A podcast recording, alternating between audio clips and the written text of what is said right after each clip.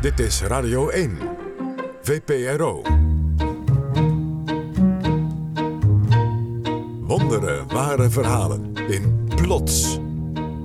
Jair Stijn.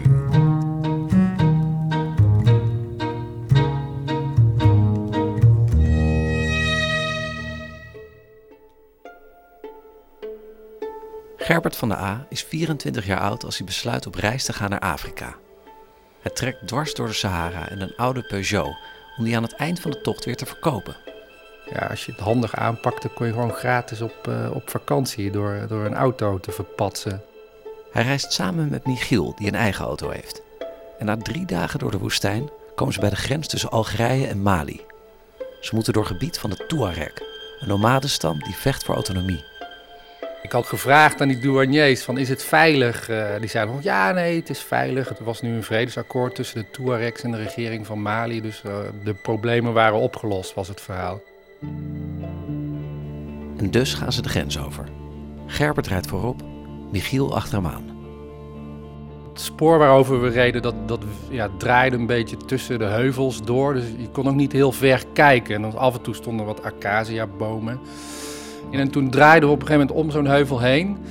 En toen stond, stond daar een auto met een aantal mannen erlangs. En toen we dichterbij kwamen, hoorde ik ineens een heel harde knal.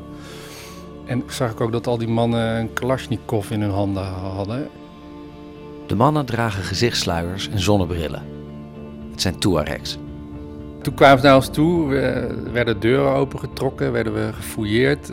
Twee van die mannen gingen in mijn auto zitten en ik, ik moest bij Michiel in de auto. En vervolgens moesten we volgen. De mannen spreken Frans en met een van hen raakt Gerbert in gesprek. Toen ik vroeg waarom hij ons dan uh, beroofde, toen uh, stroopte hij zo een mouwen omhoog en toen wees hij op zijn huid. En toen zei hij van, kijk, wij zijn blank. Wij worden onderdrukt door zwarte en het is een schande. We zijn eigenlijk een schande voor het blanke ras. En toen had ik een beetje het idee dat hij naar mij keek. Zo van, ja, jij bent een soort blanke broeder uh, van mij. Het is misschien een vreemde, iets wat racistische toenaderingspoging. Maar na verloop van tijd krijgt Gerbert toch sympathie voor zijn belagers. Die met roofovervallen de strijd tegen de regering financieren. Dus ja, toen, toen, had ik ook zoiets van, ja, ja, dit zijn eigenlijk een soort uh, Robin Hood-achtige criminelen die, die mij hebben beroofd. Ik bedoel, het zijn wel criminelen, maar het zijn wel criminelen met een goed hart die mij beroofden voor een goede zaak. Uren rijden ze door de woestijn. Het wordt donker. Ergens midden in de nacht doken in de verte allemaal lichtjes uh, op. En uh, toen stopte de auto en toen zeiden ze van, nou, jullie zijn weer vrij. En toen kregen we allebei een fles water. Onze rugzakken kregen we ook allebei terug, maar er zat bijna niks meer in. Want de spullen die ze leuk vonden, die hadden ze er allemaal uitgehaald. Ik had alleen nog een paar kleren. En een boek van de Touaregs dat ik bij me had, mocht ik ook uh, houden. Ze worden afgezet op vier kilometer van de grens met Algerije. En toen reden ze weg en stonden wij daar met, onze fles water en uh, ja, onze auto's kwijt, al ons geld kwijt. Ze lopen naar de grens en worden opgevangen door de Algerijnse politie. Achteraf kan Gerbert zich niet herinneren bang geweest te zijn. Hij vond het zelfs niet erg om zijn auto af te staan voor de vrijheidsstrijd van de Touareg. Hij was niet voor niets naar Afrika gegaan. Ik kon ook op vakantie gaan naar Lorette de Mar, maar dat vond ik saai. Ik, ik wilde juist uh, avontuur. Dit is Plots met wonderlijke ware verhalen rond één thema. Thema vandaag, kuifje in Afrika. Verhalen van Nederlanders in Afrika die geconfronteerd met de lokale bevolking van hun oorspronkelijke plannen en ideeën moeten afstappen. Een waarschuwing vooraf, deze uitzending bevat de nodige politiek incorrecte opvattingen. Voor wie daartegen kan, blijf luisteren.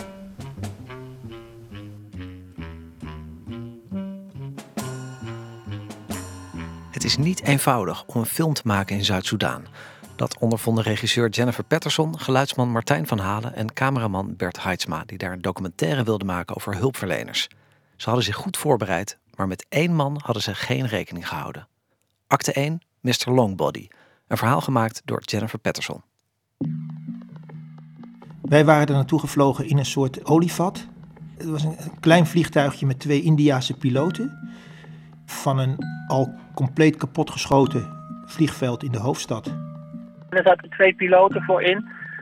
die heel ongeconcentreerd waren. Uh, steeds een beetje met elkaar zaten te kletsen. En het leek al of, ze, of een een kruiswoordraadsel aan het doen was. En het stonk onbedaarlijk naar brandstof. Ik weet nog dat Martijn en ik elkaar soms heel benauwd aankeken en dachten van, oh mijn god, wanneer gaat dit ding af? Het was, het was niet om uit te houden binnen. Ik dacht elke moment die gaat. En schudden en klapperen en, op een steeds in die rivierbeddingen landen. En op een gegeven moment landen die ergens. En dat moest het dan zijn. Deed de deur open, gooide onze apparatuur en koffertjes eruit. Maar echt duwde door de deur naar buiten. En wij sprongen op een soort stoffig stuk woestijn. En gelijk was hij weer weg. En we zagen verder helemaal niemand op het vliegveldje.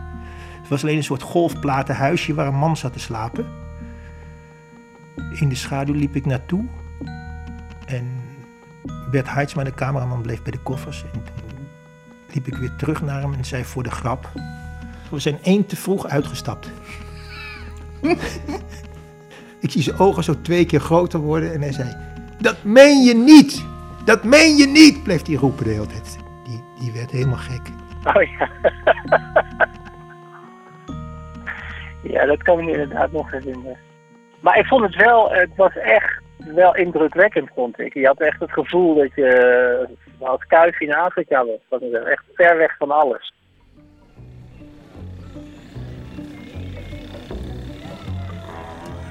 Ik dacht dat ik Afrika een beetje kende, want ik heb in Tanzania en Kenia gewoond. Maar op Zuid-Soedan was ik echt niet voorbereid. Ze hadden geen infrastructuur. Het was niet duidelijk wie aan de macht was. Het was chaos. De filmploeg laat zich niet uit het veld slaan door de chaotische omstandigheden en gaat voortvarend aan de slag. Op een ochtend maken ze opnames in de stad. Martijn en ik stonden te filmen op een mooie avenue-achtige weg met grote bomen. En ik was vrij geconcentreerd bezig. En toen op een gegeven moment voelde ik een tik op mijn schouder. En het irriteerde me omdat ik eerst dacht dat het Martijn was, de geluidsman. En ik had zoiets, kom op, niet midden in het shot. Toen had ik zoiets van, oké, okay, laat maar even geen aandacht aan schenken, gewoon mijn shot afmaken. En toen werd ik echt wat ruwer bij mijn schouder gepakt. Een man die nog wel een kop groter was dan ik. En ik ben al 1,90 bijna. En die uh, zei dat hij van de geheime dienst was. Hij stelt zich voor als Mr. Longbody. Hij was heel lang en dun. Een typisch uh, Dinka. Uh, ja, iemand van de Dinka-stam. Lange, dunne mannen met een klein rond koppie. Ik moest een beetje denken aan een speld. En hij wees op zijn oor. En dan had hij, een, had hij ook zo'n zo'n touwtje uithangen, zoals mensen van de veiligheidsdienst dat hebben. Uh, maar dit was uh, heel duidelijk gewoon zo'n oortelefoontje van het allergoedkoopste radiootje. Het was duidelijk dat ze wilden dat we stopten met filmen. Die zeiden we moesten meekomen. En het meest onaangename is, hij wilde hand in hand lopen ik, ik herinner me die hele grote, veel grotere hand dan ik nog. Bezweten hand waar je geen zin in hebt. Dat, deed hij vrij dwingend. Als, alsof een kind wat niet weg mag lopen. En toen nam hij mij mee achter een auto. Toen keek hij me een paar keer aan en toen zei hij: uh, I can do things to you that you will regret the rest of your life hij liep duidelijk ook niet een rechte weg naar de office. Hij liep de hele tijd blokjes. En overal stopte hij en gaf die mensen een hand en dan uh, wees hij op, op mij en dan uh, liepen we weer door. En het was duidelijk dat hij aan iedereen wil laten zien dat hij met ons was. De ploeg wordt meegenomen naar een hut met een golfplaten dak en gestampte aarde als vloer. Dit is het bureau van de Veiligheidsdienst. Nou, we zaten urenlang in die wachtkamer, in de hitte. De tijd tikte weg terwijl wij een film moesten maken. En toen kwam Mr. Longbody en zei dat de baas uh, tijd voor ons had.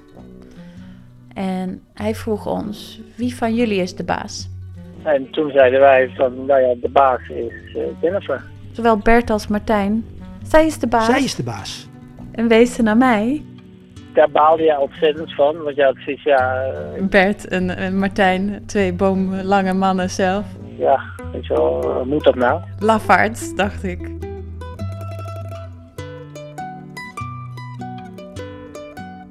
De mannen blijven in de wachtkamer en regisseur Jennifer, midden 30 met sproeten en blond haar in een staartje, stapt binnen bij de baas.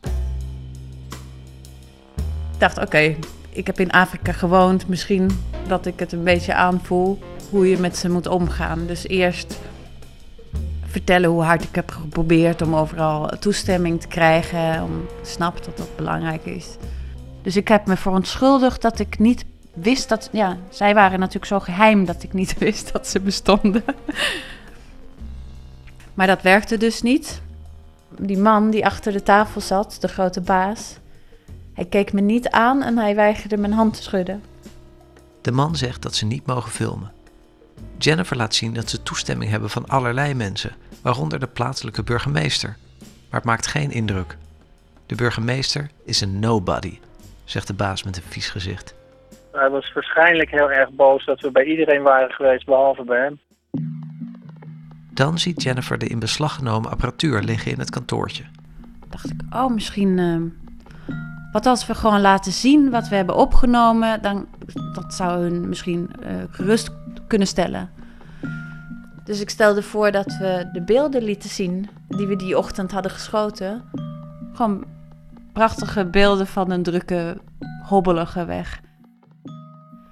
Maar dan kwam Mr. Longbody bij en dan zei hij: Aha, I see cars moving. Very suspicious. Hun referentiekader van de westerse wereld zijn Amerikaanse films. En als er dus een man, een witte man met een koptelefoon oploopt, dan is dat een spion of zo. En dan eh, zijn zij de tegenpartij. Dat verklaart ook hun bijna puberale, kinderlijke houding of, of gedrag. Die soms doet denken alsof ze meespelen in een B-film. Ze wilde denk ik graag dat we spionnen waren. Ja, ze wilde graag iets om de sleur mee te doorbreken en wij waren een goed excuus. Dus het is als, als de kat die een muis vangt en die daarmee gaat spelen. Wij waren die muis. De Soedanezen zijn bereid om de filmploeg te laten gaan, maar alleen als ze de apparatuur achterlaten. Het drietal weigert. We gaan hier niet weg, nee, we blijven bij de apparatuur. Ja. Ik heb van begin af aan gedacht, hè, wat een vervelende operette waar we nu in komen. En je weet wel dat je dat toneelstuk, althans de eerste en de tweede scène, mee moet spelen. Aan het eind van de dag lijkt er een doorbraak te komen. Maar er is een catch. Ze mogen de apparatuur wel meenemen, maar niet gebruiken. Ze zeiden ook nog bij, en dat herinner ik me heel goed, van als jullie toch filmen, dan schieten we jullie in de voeten. En dat zei hij ook met een klein lachje erbij. Het is vrijdagavond als de filmploeg wordt vrijgelaten. Maandagochtend moeten ze weer terug naar het bureau met een lijst van wat ze allemaal willen filmen. In de hotelkamer gaan de filmmakers aan de slag. Die lijst had 10 punten. Waterputten, velden. En, en je, wordt, je wordt steeds meliger natuurlijk, dus je zet op zo'n lijst trees, bomen, Trees and fields, eh, cars, roads, bicycles. eh, waterputten. En het laatste punt was eh, more trees and fields. In werkelijkheid willen ze vooral hulpverleners filmen, maar die kunnen ze niet in gevaar brengen door de geheime dienst op ze af te sturen. Het team hoopt dat de lijst onschuldig genoeg is om verder met rust gelaten te worden. Maandagochtend kwamen we met onze lijst. En toen eh, hebben ze ons longbody gegeven. Hij moest met ons mee. Ik dacht, oh nee. Dan moesten we dat ook filmen wat op onze lijst stond. Longbody vond dat natuurlijk geweldig, want hij mocht met de westerse filmcrew rondreizen. Mr. Longbody die wil gezien worden met ons. Als hij met ons in de auto zit, in zijn schoonste camouflagepak, dan gaat hij daarmee in de hiërarchie omhoog. Ik weet dat wij bij een waterput waren en we waren aan het filmen. En dan ging hij naar een kleine kiosk en kocht Fanta voor ons allemaal. En dan konden ook de mensen die daar omheen stonden, konden ook zien hoe hij met zijn geld Fanta voor de blanken kocht. Maar intussen blijft hij achterdochtig. En Longbody was helemaal gek, want iedere keer als die camera draaide was hij bang dat we hem zouden filmen.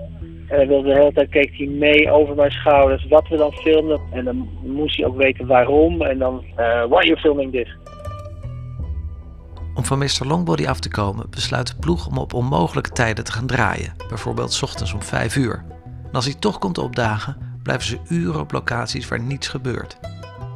We draaiden regelmatig, uh, zoals het heet, met de houten camera. Dat, er niet, dat werd er niet gefilmd. We moesten eigenlijk voor zorgen dat het zo saai mogelijk werd voor Mr. Longbody. In de auto geven ze hun begeleider een speciale plek. We hebben bijvoorbeeld gezorgd dat hij op de achterbank zat, naast mij. Dat is natuurlijk eh, het minst status om. Ja, het is gewoon niet mannelijk om op de achterbank te zitten naast het meisje. Al snel was het zo verschrikkelijk saai voor hem dat hij maar in de auto bleef zitten als een jongetje. Het was grappig dat hij in een paar dagen tijd veranderde hij van een soort bedreigend militair. Werd, werd het een gewone jongen. Op een gegeven moment kregen we toch gesprekjes met hem. Dus op een gegeven moment verwaterd die dreiging. En op een gegeven moment lachte hij zelfs om dingen die we deden. Dat kan ik me ook nog wel herinneren. Ik heb vroeger ook wel met, met moeilijk opvoedbare jongens gewerkt. Uh, dat het geheim is, je moet het midden houden tussen ze serieus nemen en ze niet serieus nemen. Dus respectvol, maar ook laten zien dat er grenzen zijn de hele tijd. Nu Mr. Longbody geen fysieke bedreiging meer is, kan de filmploeg met nieuwe ogen naar hem kijken. We zaten in de auto samen met Mr. Longbody en dan keek hij uit het raam. En uit het raam zag je dan vaak um, kleine hutjes en mensen in hele vieze kleren. Of mensen op straat met jerrycans met water op hun hoofd. En toen keek hij naar het landschap en naar de mensen en hij zei: Nu snap ik, jullie willen laten zien aan jullie mensen daar thuis dat wij hier als apen leven.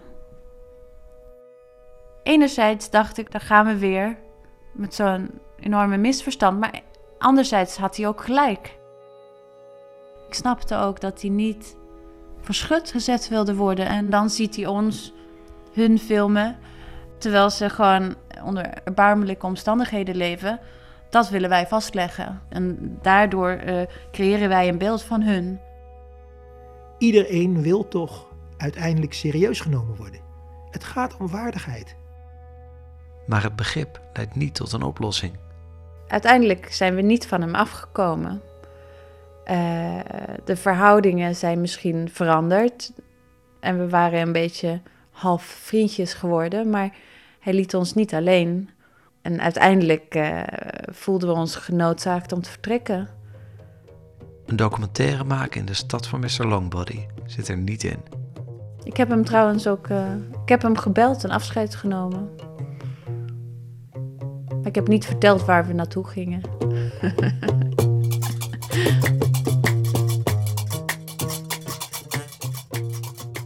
film is er uiteindelijk toch gekomen, al moesten ze ervoor naar een andere stad. Hij heet Ontheemd. Een link staat op onze website vpro.nl/slash plots. Journaliste Linda Polman was correspondent in Sierra Leone. Ze zag hele dorpen en steden in de ban van de diamantkoorts. Ze werd nieuwsgierig en besloot om zelf een poging te wagen slapend rijk te worden. Ze vertelde erover voor een live publiek in het verhalenprogramma Echt Gebeurd in Comedy Café Toemler in Amsterdam. Um, dit verhaal gaat um, over een periode dat ik um, in Sierra Leone uh, woonde en werkte als, uh, als journalist. Ik was daar neergestreken als correspondente voor onder meer de Volkskranten voor NRC Handelsblad. en ik weet niet waar u Sierra Leone van kent, maar dat is dus dat land van die ontzettend vrede burgeroorlog en van de bloeddiamanten. Nou, diamanten uh, uh, kon je overal tegenkomen in Sierra Leone.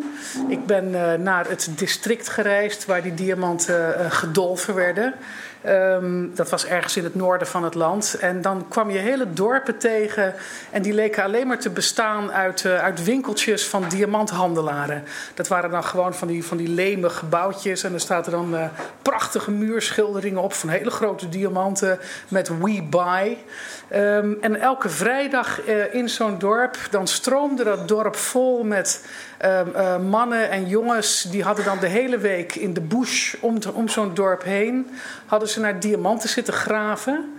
En die kwamen dan op vrijdagavond naar zo'n dorp toe om de oogst van die week te verkopen in zo'n winkeltje. Uh, en dan gingen ze dat, dat geld wat ze daarmee verdiend hadden, gingen ze opmaken in de lokale kroeg. Aan, aan wilde vrouwen en aan bier. Uh, ik ben wel eens naar binnen gestapt in zo'n winkeltje om eens te vragen van god, wat, waar komen die mannen nou mee aan? Hè, na zo'n week hard werken in de bush. Nou, er was wel zo'n diamanthandelaar die zo vriendelijk was om mij dat te laten zien. Zo'n wit papiertje met een paar hele kleine dingetjes erop. Dat waren dus diamantjes. Nou, de meeste waren van nou, formaat zandkorrel. Dus dat was niet heel erg indrukwekkend. Maar, zei hij, het gaat er natuurlijk om, om die ene gouden vondst. Hè? En dat hoorde je dan ook wel. Dan gonste het door het land en had iemand een, een joekel gevonden. En dan uh, werd die verkocht en dan kwam die joekel in Antwerpen terecht. En dan leefde de vinder van zo'n diamant nog lang en gelukkig. En ik werd daar ontzettend nieuwsgierig naar. Ik wilde dat dan ook wel eens zien in de bush, hoe dat dan ging met dat diamantgraven. Maar dat bleek een hele gesloten wereld te zijn. Ze lieten me gewoon niet toe. Ze hebben geen zin in pottenkijkers daar. Had mede te maken met die enorme hype die er was om bloeddiamanten. De hele internationale uh, uh, mensenrechtenbeweging zat achter de diamanthandel in Sierra Leone aan. Dus ze hielden buitenstaanders ontzettend op afstand. Dus niemand wilde mij meenemen die bush in. En ik wist ook niet hoe je dat dan moest doen. Moest je dan maar gewoon gaan wandelen en hopen dat je iemand tegenkwam. Nou, dat werd mij ernstig afgeraden. Maar, zei iemand, een Sierra Leoner... Wat je zou kunnen doen, is gewoon zelf um, uh, diamantgraver worden. Dan ben je je eigen baas en dan kan niemand je tegenhouden. Ik vond dat een goed idee. Ik ben gaan informeren hoe dat dan moest. Um, en dat bleek relatief simpel. Als je als, als je als buitenlander een vergunning wil om naar diamanten te gaan graven, dan kost dat tienduizenden dollars. Maar een, een Sierra Leoner die dat wil, die betaalt, uh, nou ja, afhankelijk van de grootte van het lapje grond waar hij wil graven, uh, betaalt daar geld voor aan de regering. En dan kan hij zijn gang gaan. Um, dus ik heb een Sierra Leonese partner genomen, zakenpartner. Want de vergunning was toen opeens waanzinnig veel goedkoper. Nou, en zelfs ik als freelance journalist kon mij nog wel die 1500 dollar die dat kostte, kon ik mij nog wel veroorloven. Dus ik ben met die partner de bush ingegaan in, met een auto waarin we achter in de achterbak hadden we scheppen. Uh, en een kind kon was doen. Ja. ik dacht ook dat het heel moeilijk zou zijn om uh, diamantminer te zijn. Maar dat echt iedere gek kan het. Een diamantmijn is namelijk niets meer of niets minder dan een kuil. Je graaft een kuil. En op een gegeven moment kom je in die kuil en daar gaat het om. Je komt in die kuil, kom je op een gegeven moment, als je door die modderlagen heen bent en door die zandlagen, kom je op een kiezellaag. En in die kiezels, tussen die kiezels, zitten de diamanten. Dus wat je doet is je graaft een kuil tot je die kiezellaag tegenkomt. Die kiezellaag die haal je naar boven, dat leg je op een grote hoop neer. En dan ga je tussen die kiezels, die kiezels ga je spoelen, die ga je afwassen in van die grote zeven. En dan rollen die diamantjes naar het midden van je zeef. En die kiezels die blijven aan de zijkant liggen. En daar middenin liggen dus jouw diamanten. Nou ja, dat is inderdaad super simpel. Dus ik uh, de bush in met die scheppen. En uh, ik had een uh, licentie genomen voor een stuk grond van, nou, wat zal het geweest zijn? Tot, tot aan de trap, zo om de piano heen. Um, ik zat in een, in een deel van het land waar je vrij diep moest graven. Uh, om op die kiezellaag te komen, namelijk tussen de 6 en de 8 meter. Dus het was, ja, het was wel even doorgraven. Maar uiteraard, ik was de baas, dus ik groef niet zelf. Hè, dat zie je niet voor je. Ik, uh, ik, ik had daar mijn mannetjes voor. Die haalde ik uh, uit het dorp. Ja, het is echt verschrikkelijk. Die haalde ik uit die dorpen. Die gaf ik een schep. En dan zei ik, ga graven. Nou, dat deden ze. Je hebt in heel Sierra heb je verschillende systemen van betalen. In sommige delen van Sierra betaal je mensen een salaris. Betaal je ze eens in de week uit. Waar ik aan het graven was, waar mijn licentie was, dat was in een, in een district waar je mensen. Uh, als, uh, als tegenprestatie uh, geef je eten en je zorgt ervoor dat ze, een, dat ze een tent hebben om in te slapen. Um, maar je geeft ze geen salaris, je laat ze meedelen in de winst als die diamanten eindelijk tevoorschijn komen. Dus dat was de deal. Ik vond dat heel betaalbaar als freelance journalist. Want het enige wat je hoefde te doen was die rijst te kopen. Dus ik begon daar een kampje in die bush. Een paar tenten. Ik, een tent voor de baas en een tent voor de gravers. Kok erbij, want er moest uiteraard iedere dag moest er, uh, twee maaltijden geserveerd worden. En uh, ik was in business. Nou, het eerste wat je doet, dat is, dat is je mannetjes de opdracht geven om alles wat daar groeide om te hakken en uit te graven. Anders kun je niet graven immers. Dus de meest prachtige palmbomen gingen tegen de vlakte en bamboebossen gingen tegen de vlakte. Maar het moest, het was voor, de goede, voor het goede doel. En toen zijn ze gaan graven. Nou, de eerste paar dagen vond ik het fantastisch. Echt zo leuk. Want ik zat daar dus ja, in een heel romantisch uh, oerwoud. Uh, met, met, met, met teentjes en aan, aan, op de oever van een rivier. Want diamanten liggen bij rivieren, hadden ze me verteld. Aan de oever van een rivier, daar de aapjes slingerden door bomen die nog overeind stonden. En er was de kok, die was de hele dag gezellig bezig op zo'n kookvuur met zo'n ketel. En er werden daar heerlijke gerechten klaargemaakt. Rijst. En dan daar, daarbij een antilope stoofpot. Nou ja, yummy de pammy. Um, dus dat was eigenlijk wel heel gezellig. En het was vredig en het was rustig. En mijn mannen groeven, ik had er toen een stuk of zes. Uh, die waren die kuil aan het graven, niks aan de hand. En ik zat er op mijn kruk naast en riep af en toe van... Lukt het? Ja, het lukte allemaal. Hoe lang duurt het nog? Nou, we zijn er zo hoor. Bos, ja. Dus uh, dat ging goed. Nou ja, en, op, en dan, ja, je kunt erop wachten natuurlijk. De ellende begint dan. Het is gewoon helemaal niet leuk om een baas te zijn, kwam ik achter. Want uh, alle verantwoordelijkheid lag uiteraard bij mij. Als de eten niet lekker was, kwamen ze bij mij zeiken. Uh, ze werden allemaal ziek. Weet je, ze malaria. Dan moest ik er mee naar de dokter. Dan moest ik ze medicijnen geven. Dus ik bedoel, hè, weer die flappen. Um, ze, er, er verschenen steeds meer mensen zo s'avonds aan de maaltijd. En dat waren dan, ja, dat waren, die hadden ze nodig, zeiden ze. Want de kuil werd steeds dieper. Dus nou, huppatee, die ging ook mee eten. Toen verschenen er allerlei lellebellen s'avonds uh, aan die maaltijd. Dat waren dan hoertjes, die hadden ze uit de omliggende dorpen laten komen. Dus het werd daar een heel dorp om die kuil van mij heen. Maar goed, ik nog steeds. Van, ik was blij dat ik, ieder, dat ik in ieder geval de stapel de, uh, modder en, en zand naast de kuil steeds groter zag worden. En ik zag die kuil ook wel steeds dieper worden. Dus ik denk ja, het zal allemaal wel. Ja, en toen na vele, vele, vele dagen uh, bereikten we de kiezellaag. Toen had ik ondertussen wel ontzettend veel ellende al gehad hoor. Want ik bedoel, er is daar niks normaal in zo'n bos. Hè? Uh, de klachten waar ze bijvoorbeeld mee kwamen waren behalve dan die eeuwige malaria, weet je wel. Er lagen er altijd wel drie in een tent met koorts. Ja, dat is vervelend voor ze, maar het houdt op. Um, er, waren, er, was, er was op een gegeven moment, er was altijd weer een, een, chief van een, van de dorp die kwam zeiken van je moet mij een tv geven en anders dan moet je hier weg en zo. Uh, of er was uh, uh, ook bizar, er was een cobra gesignaleerd in de buurt van, van ons kampje. En die cobra, was heel bizar. Mijn mannen hadden, hadden gezien dat die cobra in cirkels om ons kampje heen, heen sloop. En die cirkel die werd steeds smaller en smaller en smaller. En dus was dat de duivel. En dat was mijn probleem, dat moest ik oplossen. Waarop ik zei van ja, hoe doen jullie dat met cobra's? Nou, die steken wij in de brand. Ik zeg van nou, dan doe je dat hier met deze cobra ook. Nou, dat hadden ze geprobeerd, dat lukte niet. Ah, fijn, dus dat ging maar door, dat gezeur. Met al die problemen waar ik ook geen oplossing voor had. En waar ik ook eigenlijk ja, mezelf niet van... Ik, ik was daar niet voor aangenomen, vond ik zelf ook. In ieder geval, we bereiken die kiezellaag. Uh, op dat moment riepen ze, nu moet je bewakers inhuren. Ik zeg, waarom? Omdat wij anders de kiezels gaan stelen, zeiden ze. Ja, want in die kiezels zitten die diamanten. Dus dagenlang met emmertjes die kiezels uit die kuil gehaald. En toen lag er een enorme berg kiezels. Nou, zij allemaal trots, want het waren hartstikke veel kiezels. Dus dat hadden ze goed gedaan. Dus toen die kiezels eruit waren en die bewakers uh, 24 uur per dag die kiezels in de, in de gaten hielden. Toen was het tijd om supervisors in te huren. Ik zeg, waarvoor dan? Nou, dat is omdat degene die die kiezels gaan wassen, met die zeven, gaan ze in die rivier die kiezels wassen. Uh, iedere wasser, dat is, dat is daar een, een, beroep, je bent kiezelwasser. Iedere wasser moest in de gaten gehouden worden door een supervisor. Want uh, uh, op het moment dat die wassers een diamantje zien, is het van dit. En dan zit een diamantje in hun neus.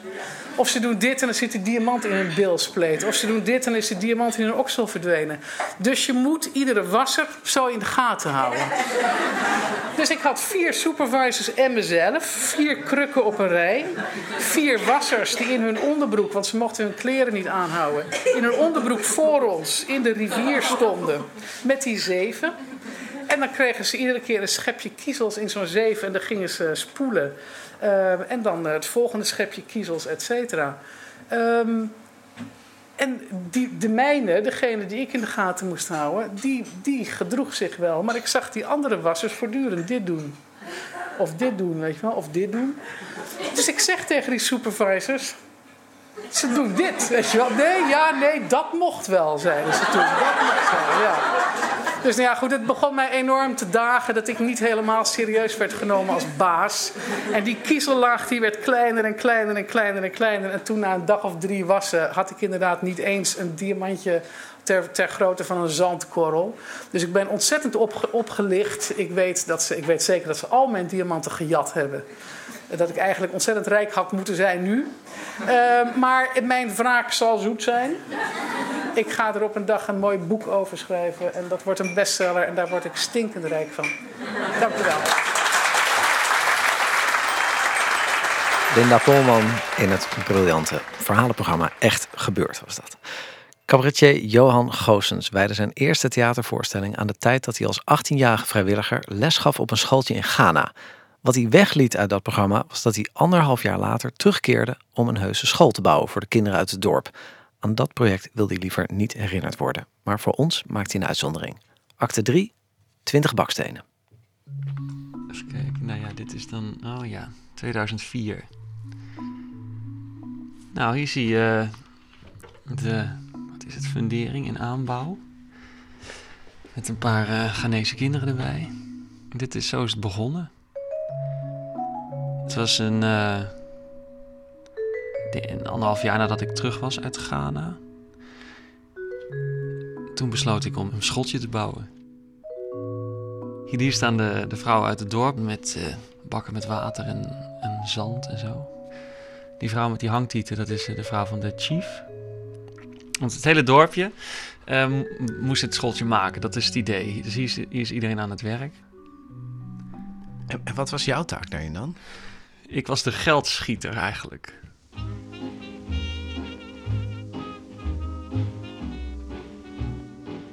Het was zo, ik had daar lessen gegeven op, de, op dat schooltje. Ehm, maar toen was er was nog geen. Dit is het oude schoolgebouwtje. Het was alleen een afdakje, een roestig ijzeren afdakje met een bamboe schuttingje. En daar gaf ik les als vrijwilliger in mijn sabbatical uh, jaar. En uh, had ik zo mijn klasje, 32 kinderen. En dan kwam ik s ochtends mijn klas in en, en, uh, en al die kinderen in schooluniform, weet je, dat, die, dat gele schooluniform, die sprongen dan allemaal op en dan tegen zo'n stofwolk op. En hij zei, good morning, sir. En zei good morning, children. En zei how are you all? We are fine, thank you, sir. Nou, en dan ging ze allemaal weer zitten. En dan begonnen we met de les. Maar het was zo... Uh, het was gewoon geen gebouw. Dus er, liepen allemaal kippen door de klas. En als het regende, dan moest je stoppen. En dan moest je ja, naar huis rennen, zou ik maar zeggen. Omdat het... Ja, je kon gewoon geen les meer geven. Dat geluid was zo hard van die regen, daar kwam je niet bovenuit. Dus, en, er moest, en dat lekte ook aan alle kanten, dus moest je alle boeken verstoppen. Er hadden ook niet zo heel veel boeken, dus het, was, dat was, moest, het boek moest je verstoppen, laat ik het zo zeggen. Dus en toen deze nieuwe school werd gebouwd, dacht ik, oh ja, met een goed dak, weet je wel. En ook een asbestdak, dat is helemaal chic. Want uh, golfplaat is heel, wordt heel warm. Ik dacht, ik ga een mooi schooltje maken met een asbestdak. Dat was de droom. Ja. We hadden allemaal wel kinderen waar wij een bijzondere band mee hadden. Dus iedereen had één of twee favoriete kinderen. En bij mij waren het Anthony en Isaac. Maar ze waren allebei acht jaar oud. Anthony die was altijd gewoon rijk, dus die was altijd heel mager en die had schoenen en zo. En die heeft ook nooit iets gevraagd. Die heeft nooit iets, wou die nooit iets hebben. En Isaac die was altijd heel dik. Een dik is slecht teken, had een hongerbuik. En Isaac was altijd hongerig. En uh, die wou altijd eten of, of drinken of... Uh, een, een, een katapult, zodat hij musjes dood kon schieten om op te eten. En ja, ik, ik nam ze ook mee naar de stad. Op een gegeven moment, uh, we gingen één keer in de week ging ik internetten in de stad. En op een gegeven moment nam ik ook Isaac mee naar de stad. En dan gingen we daar ook uit eten, weet je, als een heel bord met kip en, en, en rijst. En dat was helemaal alleen voor hem. Nou, echt, nou, hij, moest hij kon er niet tegen, maar uiteindelijk moest hij overgeven. Dat was ook heel pijnlijk eigenlijk. En toen moest hij weer terug naar dat dorp. En toen kwamen we langs de zee. En ik had helemaal nooit bedacht, maar hij trok me zo aan mijn mouw. En toen zei hij, Sir, look. Ja, dat is de sea. En toen stonden we daar, ik, ja, we hebben echt een paar minuten gestaan kijken naar die zee. En toen kwamen we s'avonds het dorp in. En toen ging hij vertellen van, ja, en ik heb de zee gezien. En toen strekte hij zo zijn armen uit en dat was zo groot. Ja. Dat was Isaac, ja.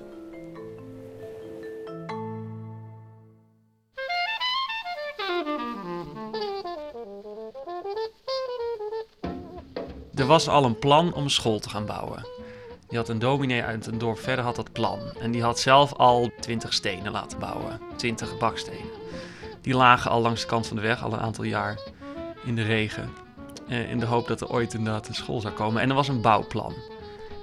20 bakstenen en een bouwplan. Dat ja, was wat er dat was. was. Dat was het. En toen kwam ik daar eh, voor de tweede keer in mijn dorpje. En een aantal mensen zeiden: God, als ze nog iets nodig hebben, dan eh, ik heb nog wel wat geld over. Of ik wil nog wel wat geld doneren. Dus dacht ik, nou, 1 en 1 is 2. Dan gaan we aan de slag. En iedereen was natuurlijk heel enthousiast. Ja, iedereen was razend enthousiast. En eh, nee, dat zou maar twee maanden duren, dan, was het, dan stond het er wel. Ik moest met zo'n contractor, zo'n aannemer, heel de tijd om de tafel. Ja, hij, hij wou 13 miljoen. En eh, dat vond ik dan te veel. Dus, maar dan kwam hij iedere ochtend aan het ontbijt. En dan eh, zei hij 13 miljoen. En dan zei ik nee. En dan ging hij weer weg. En de volgende dag kwam hij weer terug. En dan zei hij 12 miljoen. Zei ik nee. Nou, en dan ging hij weer weg. En de volgende ochtend kwam hij weer aan het ontbijt. En dan zei ik 9 miljoen. Dan zei hij nee. Dan ging hij weer weg. Want als je blank bent, dan willen ze meteen heel veel geld zien. En eh, ik was dus een blanke met heel weinig geld. Die wel een schooltje ging bouwen. Dat was ongeveer het dunne koord waarop ik eh, eh, moest lopen. En uiteindelijk kwamen we volgens mij op 11 miljoen. En 11 miljoen? Dat is ja, ik denk 5000 euro zoiets. Ja. En dan had je vier lokaaltjes en een opslagruimte voor de boeken en de pennen en een kantoortje. En het belangrijkste was dat die opslagruimte eerst af was, zodat je daar een deur in kon doen en die deur op slot kon doen, zodat niemand nog iets kon jatten van die bouwplek. En die aannemer was ook niet zo goed. Hij kon niet lezen en niet schrijven. En hij had ook geen meetlint bij zich. Dus het was ook een, eh, ja, een sukkel eigenlijk. Kwamen we daar, had hij helemaal niks meegenomen om iets op te meten. Moesten we weer terug met de taxi. Ja. En dan moesten dus, we gingen bouwmaterialen kopen in de grote stad. Hij zei, want hij wou per- se bij Jezaja Enterprise. Nou, ik zeg, moeten we daar dan helemaal heen? Kun je even bellen? Want hoe duur dat dan is en zo. Och, bellen, bellen. Nou, dat- zit ook helemaal niet in hun systeem, bellen. Ja, ik stond daarop, want ja, ik dacht, moeten we weer, weer een uur met, met, het, met een busje naar de stad. Dus wij uiteindelijk naar het postkantoor om te zoeken in de telefoongids naar, naar Jezaja Enterprise. Nou, eerst bij de J gekeken. Nee, stond dan ook niet bij de Y. En toen ook niet. En zei hij, god, wat een mooi boek geven ze hier. En toen kwam die, ging hij dus dat hele telefoonboek doorbladeren van de A tot en met de Z. Op zoek naar Jezaja Enterprise. Nou, ik had heel veel geduld geoefend in die tijd. Ja.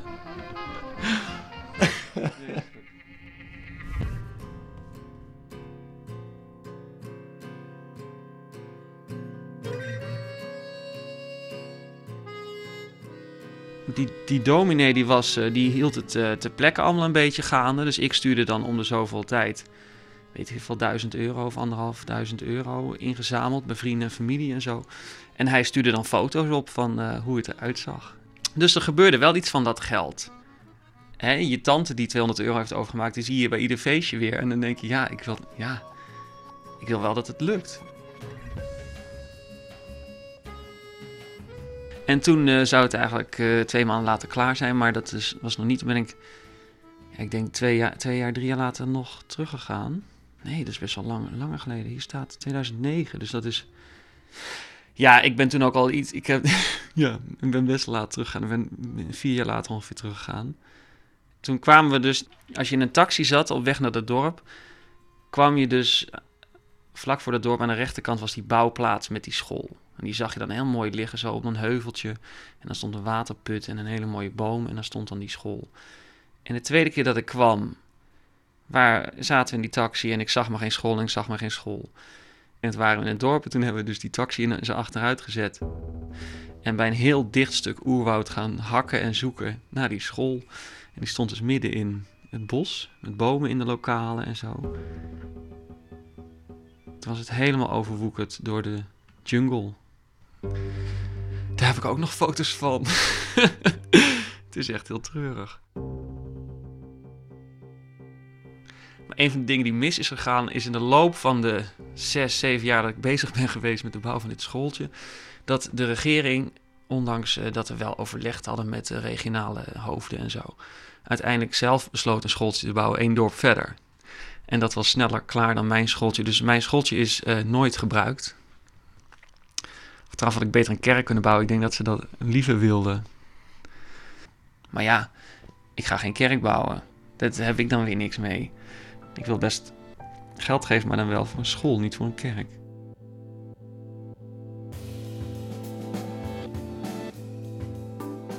Toen ik terugkwam met, en dat schooltje was overwoekerd, die, die Anthony die vroeg dus nooit iets. En toen vroeg hij ineens, heel de tijd, ja, mag ik een fiets, mag ik een fiets? En ja, ik was daar vier jaar niet geweest, dus, of vijf jaar niet geweest. En dus ik zat daar van, ja, god, kom ik daar en dan het eerste wat je doet is dan iets vragen. Zeg maar, je vroeg toch nooit iets? Dus ik, nee, nee, maar... Ja, maar ik moet heel ver naar die school en ik moet naar een nieuwe school en uh, mag ik een fiets? En uh, Isaac wil ook een fiets. Nou, oké. Okay. En toen heb ik een fiets voor ze gekocht, ja, zodat ze naar iemand anders de school konden.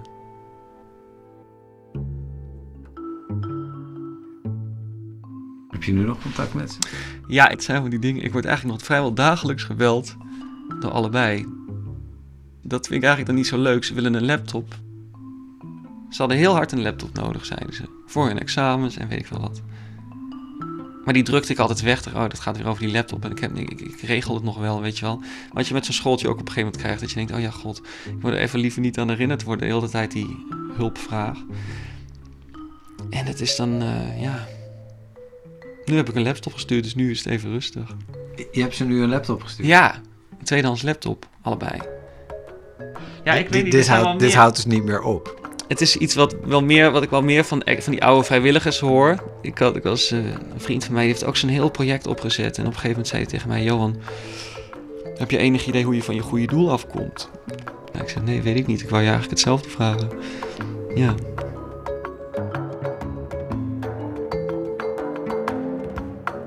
De redactie van Plots is Katinka Beer, Irene Houthuis, Esma Linneman en ik, Jair Stijn. Verder werken mee Bente Hamel, Tjitske Musche, Jennifer Patterson, Prosper de Roos, Richtje Rijnsma, Marije Schuurman-Hes, Stef Visjager en Laura Stek. Zij interviewde Afrika-kenner Gerbert van der A, die beroofd werd door de Tuareg. Productie Sharon de Vries, techniek Alfred Koster. Met dank aan onze vrienden bij Echt Gebeurd. Ze hebben een fantastische podcast en een link naar hun programma staat op onze website vpro.nl/slash plots. Ga naar die website om ook een reactie achter te laten. Zoals u weet wacht ik daar met smart op na elke uitzending. Plots wordt mede mogelijk gemaakt door het Mediafonds. Uw eigen verhalen willen we ook heel graag horen. Zien we te graag tegemoet via de mail plots.vpro.nl. Volgende week verhalen in Studio Itzerda. Straks Bureau Buitenland met Chris Keijnen. En plots is er eind juli weer met een nieuwe aflevering Dieren. Zondag 28 juli. Bedankt voor het luisteren.